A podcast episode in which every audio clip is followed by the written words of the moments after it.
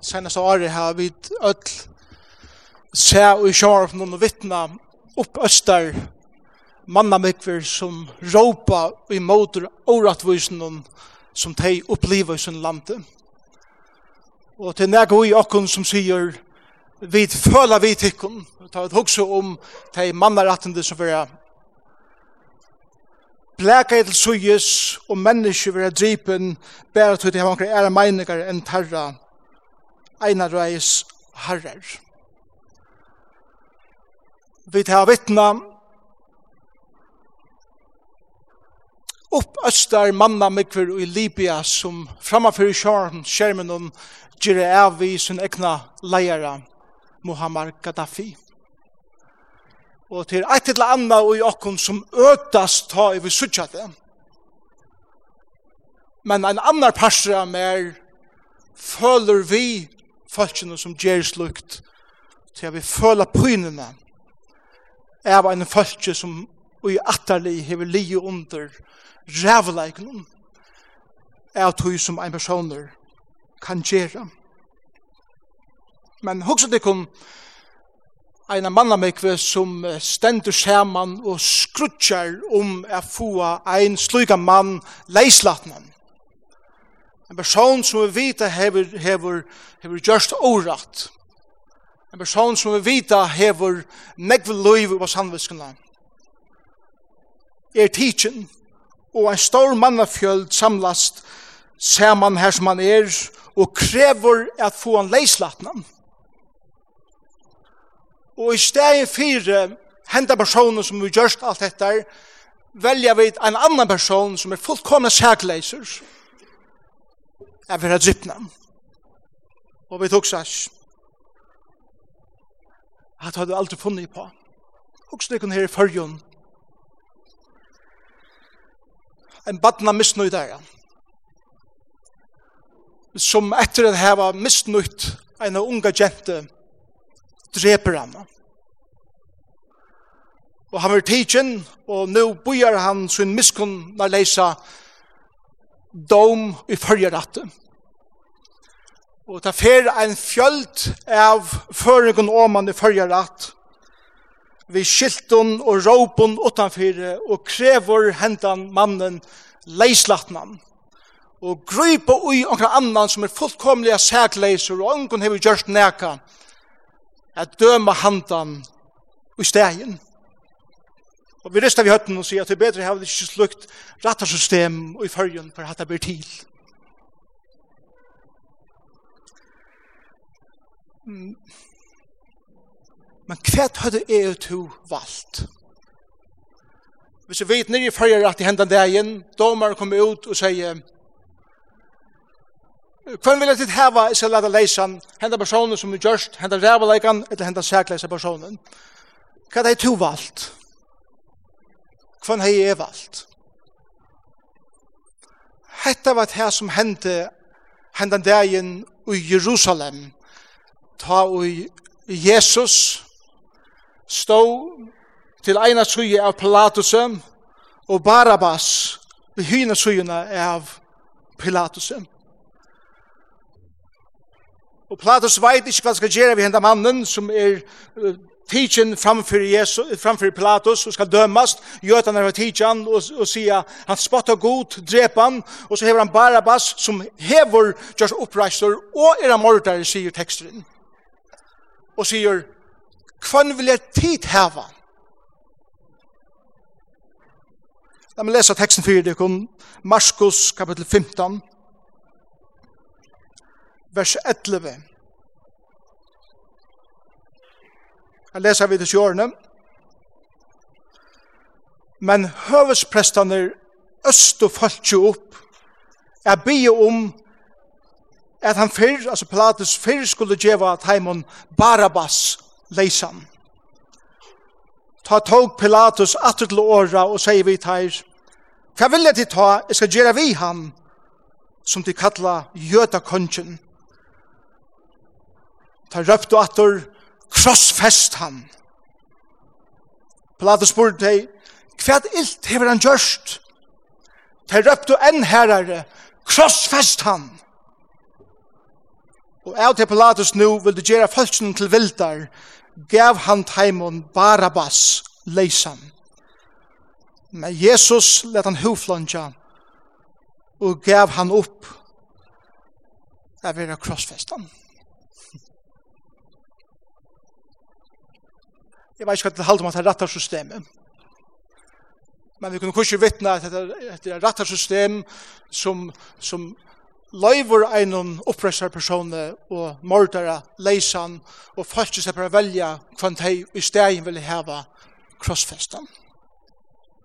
Men teksten sier okkon at det var våre høvesprestander og det er religiøsa falskis som østu hessa manna mykon opp som kanskje slett ikke visste hva det var det hele dreier seg om, og bare råpa, krossfest Jesus og gje okum Barabbas, leisan.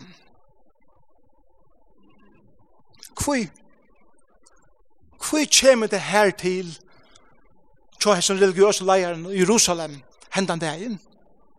Og sværi er nok tøy at meiningarnar og avbjøvingarnar som Jesus gjev i folkjennom, og til avbjøringar som han setur til beita det politiska og sosiala og religiøsa systemet er så mykje avbjørande at vi vil bare slippe av i henne personen. Han kommer så nekv under huen og akon at det er alt for obeheiligt at liva vi. Læt okkur tog slippe av i han. Krossfest han og drepa han. Sjolt om det skal koste okkur til at ein mordare og opprøsta maver ved leden leiser. Jesus fer inn om hoena til okkon eisne. Og han gjever okkon mengan avbjåingar i løyvnen som vi helst ikkje vilja suttje i egene. Og vi vilja heldur rutta han av venon enn at suttja verleggen i egene om hva vi er som mennesker. Så ta i vid lesa teksten, Gjev okkum bara bas og krossfest Jesus, så sier vi, sikkum neka som teg gjerra.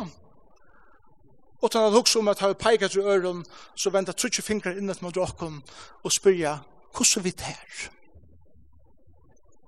Og hvordan vi mer? Er vi så annerleis? ta vi vel hugsa om det, hvordan henta mannfjölden vær. Det ligger djupt nirri ut her og i mer.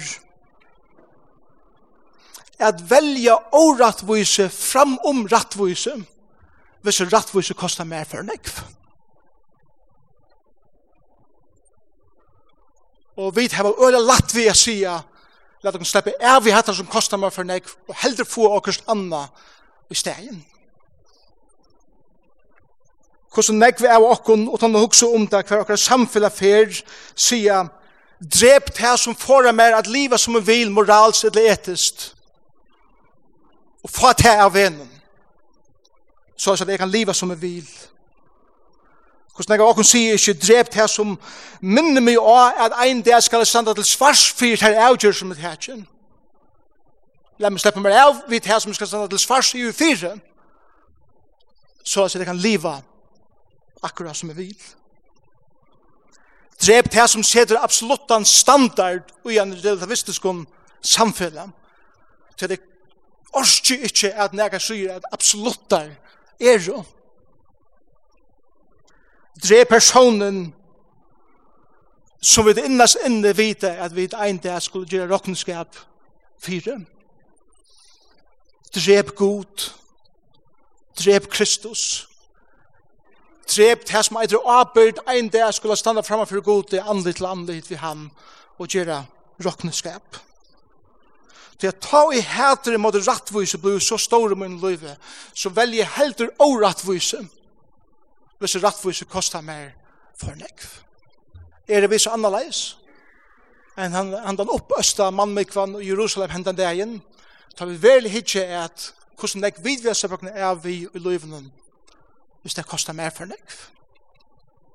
Så, la vi lukka scenena hva heter folk som stender nå og skralar om å få Barabbas leisan og Jesus krossfestan og fer inn i fengehuset her som Barabbas sitter. Så hvis han filmer så blir scenen mørk nå og han åpner opp at det er inn i en fengacelle. Kar Barabbas høyrer larmen av folk utanfor, og skralen av folk som sier, «Djev okken Barabas!»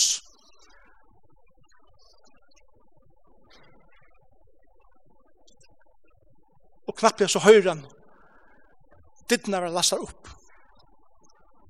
Og tvei ikke hjemme han kommer inn, og skriande ut ur fengasellene, ut fyrir falskjem. Og knapp opp der han, at han er leisur. Han vær dømter som opprøsta mever. Han vær dømter som mordare. Men nu knapt jeg ferna vita, du er frygur, du er leisur affæra av sted.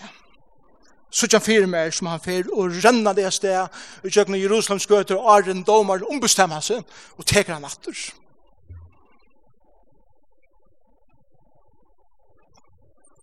Det er sirkelige vi tog som hender Barabbas er hettar, at ta i Barabbas er myndelagen og være setter frujur, vi reisne hans her tørver og en frelsar er. Ta vi få kjenslen av at vi er frals og ikke stand i åpert for nøkron, så blindert her okkur for tørven og en frelsare i okkar liv og vi halda vi der fri, vi halda vi der leis, a gjerra som vi vilja, og vi få omgang i egin i oppfyrir, at vi har bruk for en frelsare, og i akkurat liv. Vi ser alle standard som vi halda er standard, uh, vi, vi er borstebandur, vi kan gjøre som vi vil, her vi omgang tørv av en frelsare. Og det var det mest sykelige som hendte Barabbas, hette her kvöldt. Hvordan nevnt er det ikke bidla seg inn at alt sender vel til i min liv? Ta vi til av rudda moral og etikk og god og Jesus Kristus av venom og halda vi det fru og ikke hugsa om at vi skal standa til arbeid for god enn det og sværa for akkurat liv. Hva hendte Barabbas? Så ikke han fyrir mer, han fyrir rennande og tjøkne Jerusalems gøter heldur seg vera frujan. Og jeg hos sier, ha Barabbas, hei det bare stegga av og se hva det er som hendte av Golgata, av krosset hendte dagen, ta og i tova strømter og folk som var her ute, hei det bare være her og se at det var eisen fyrt her. At Jesus Kristus døg. Hva hendte Barabbas? Vi vet ikke. Tøknen sier kanskje øyne nek om at kanskje for omgang du noen brøyting fram i løyven kjøs mannen. Kanskje foran et sted og sier, og sier, jo bi er leiser, og ikke vitande at han enn er bunden. Han sa ikke sin tørv av en frelsere, til han helt han var leiser. Barabas. Bar mersi soner, Abbas, eller Abba, mersi feir, Et navn er ikke Barabbas, mersi soner feirsins. Er det ikke rånest? At hugsa seg her som en stendur, han sande soner feirsins i himmelen. Jesus Kristus. Og her er det en som ber navnet soner fægirsins. Og jeg spyrir meg sjåvan, Munde sonur fægirsins, nærkan du verlig å kjenna, kjenne, verlig son fægirsins. Så hese mæren ikkje at han er i bruk fyrir, en fægir i himmelig, a bodja seg fyrir, og leien til han fægirin er i gjøkken den personen som tog hans her sted. Av Golgata, krosset. Er det ikke rånest eisen hukses seg til at det stender i teksten om at Barabbas var tidsen for oppreistur. Og, og bibellærer halte at oppreisteren var en oppreistur i motor romverjon som rått og eh, jøtenom i romerske rujtjenom. Og tar gjerne oppreistur i motor romverjon tog at her vilje heva en jøtenskan kong at roa jøtenom. Samtidig som tar religiøse leierne krossfesta. Krossfesta jøda kunchen. Og det stod skriva av krosset Jesus her, hessen sier seg, være kong gjøtan. Så samtidig som folk ikke har bruk for en konge, drepa der velja kongen. bare spartes fyrir en jørskun konge. Jesus var kongren som skulle komme inn og djeva at han helt, helt nega anna nega som eit jørest vald ikkje kunne djeva, men nega som bare himmelen kunne djeva menneskjon som er utan god i sin heimen. Jesus sier vi byrjan av sunne tænaste hos i årene er kommet jeg sier det fengar fruer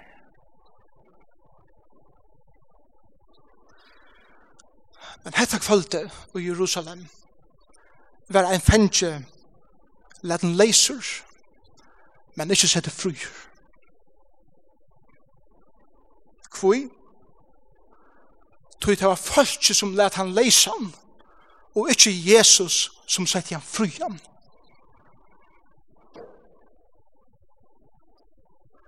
Og ta minne meg og trolig nek av dette samfunnet som vi lever i i okkar landet at det er herre røtter som råper opp om at vi skulle være leis og leva som vi vilja. Utan nägran standard, utan nägran etikk og moral og gjera som vi vilja og halda vi er fri.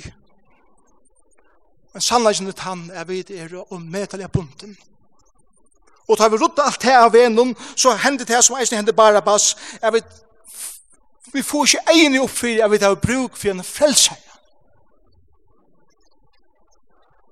til vi det ikke sværa til. Og bare bare minner dere nå at vi har bruk for en frelsere og i akkurat livet som er kommet å se sette fenger fryer. Og han er kommet her i morgen og leder til vite at om du heldig til å være leisan så er du ikke fryer ut av fry utan at du kjenner Jesus Kristus som din frelsere.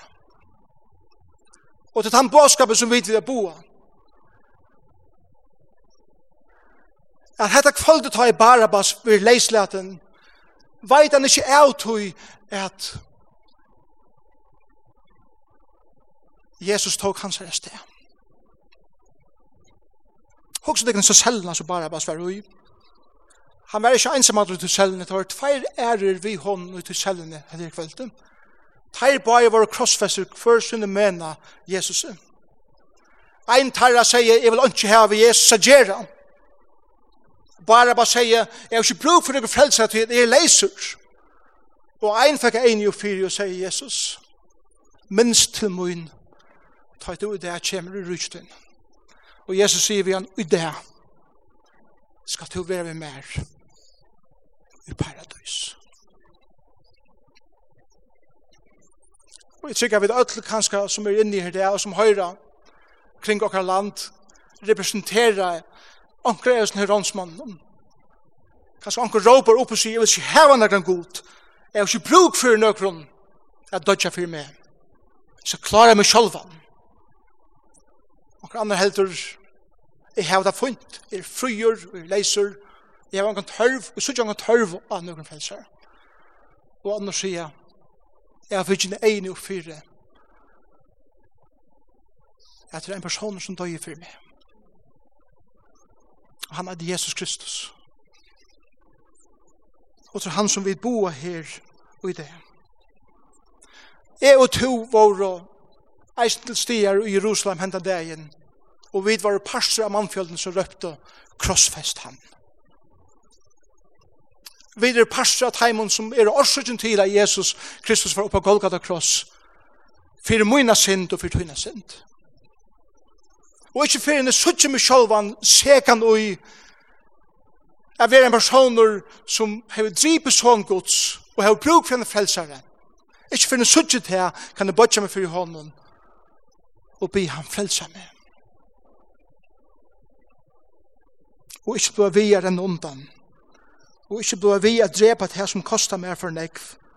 Ta i hukse om jeg skal standa til å apir for god enn det. i maimann og i fjør var det ett år siden og samme bin Laden var skip. Og i 20 år hei han rundt undan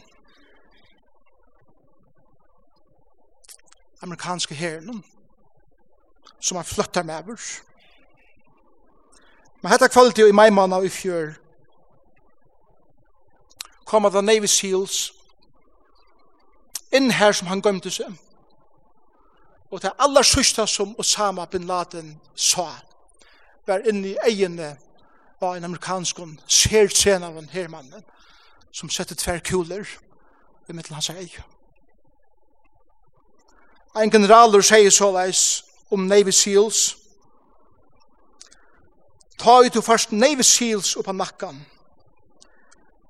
Er det bæra spurning rundt tui inntil to er beintur av venum. Og så sier han etter. Og ta og tar vinna fram til tuin, Enda tu deier tuinar, Deia trøytur av at renna fyrir løyvinnum. Er du trøytur av å renna? Er du trøytur av å renna undan gode? Men månen av gode og Navy Seals er det god, er ikke her. Jeg ser at det er kuler i middelen tunn i eion. Men han jakstra det for jeg gjeva til liv. Og ønske menneska her av landet den negra stener for jeg slipper undan over jakstra og gode. Så han blei vi a komme etter der og sannføre deg om at du har bruk for en frelsere.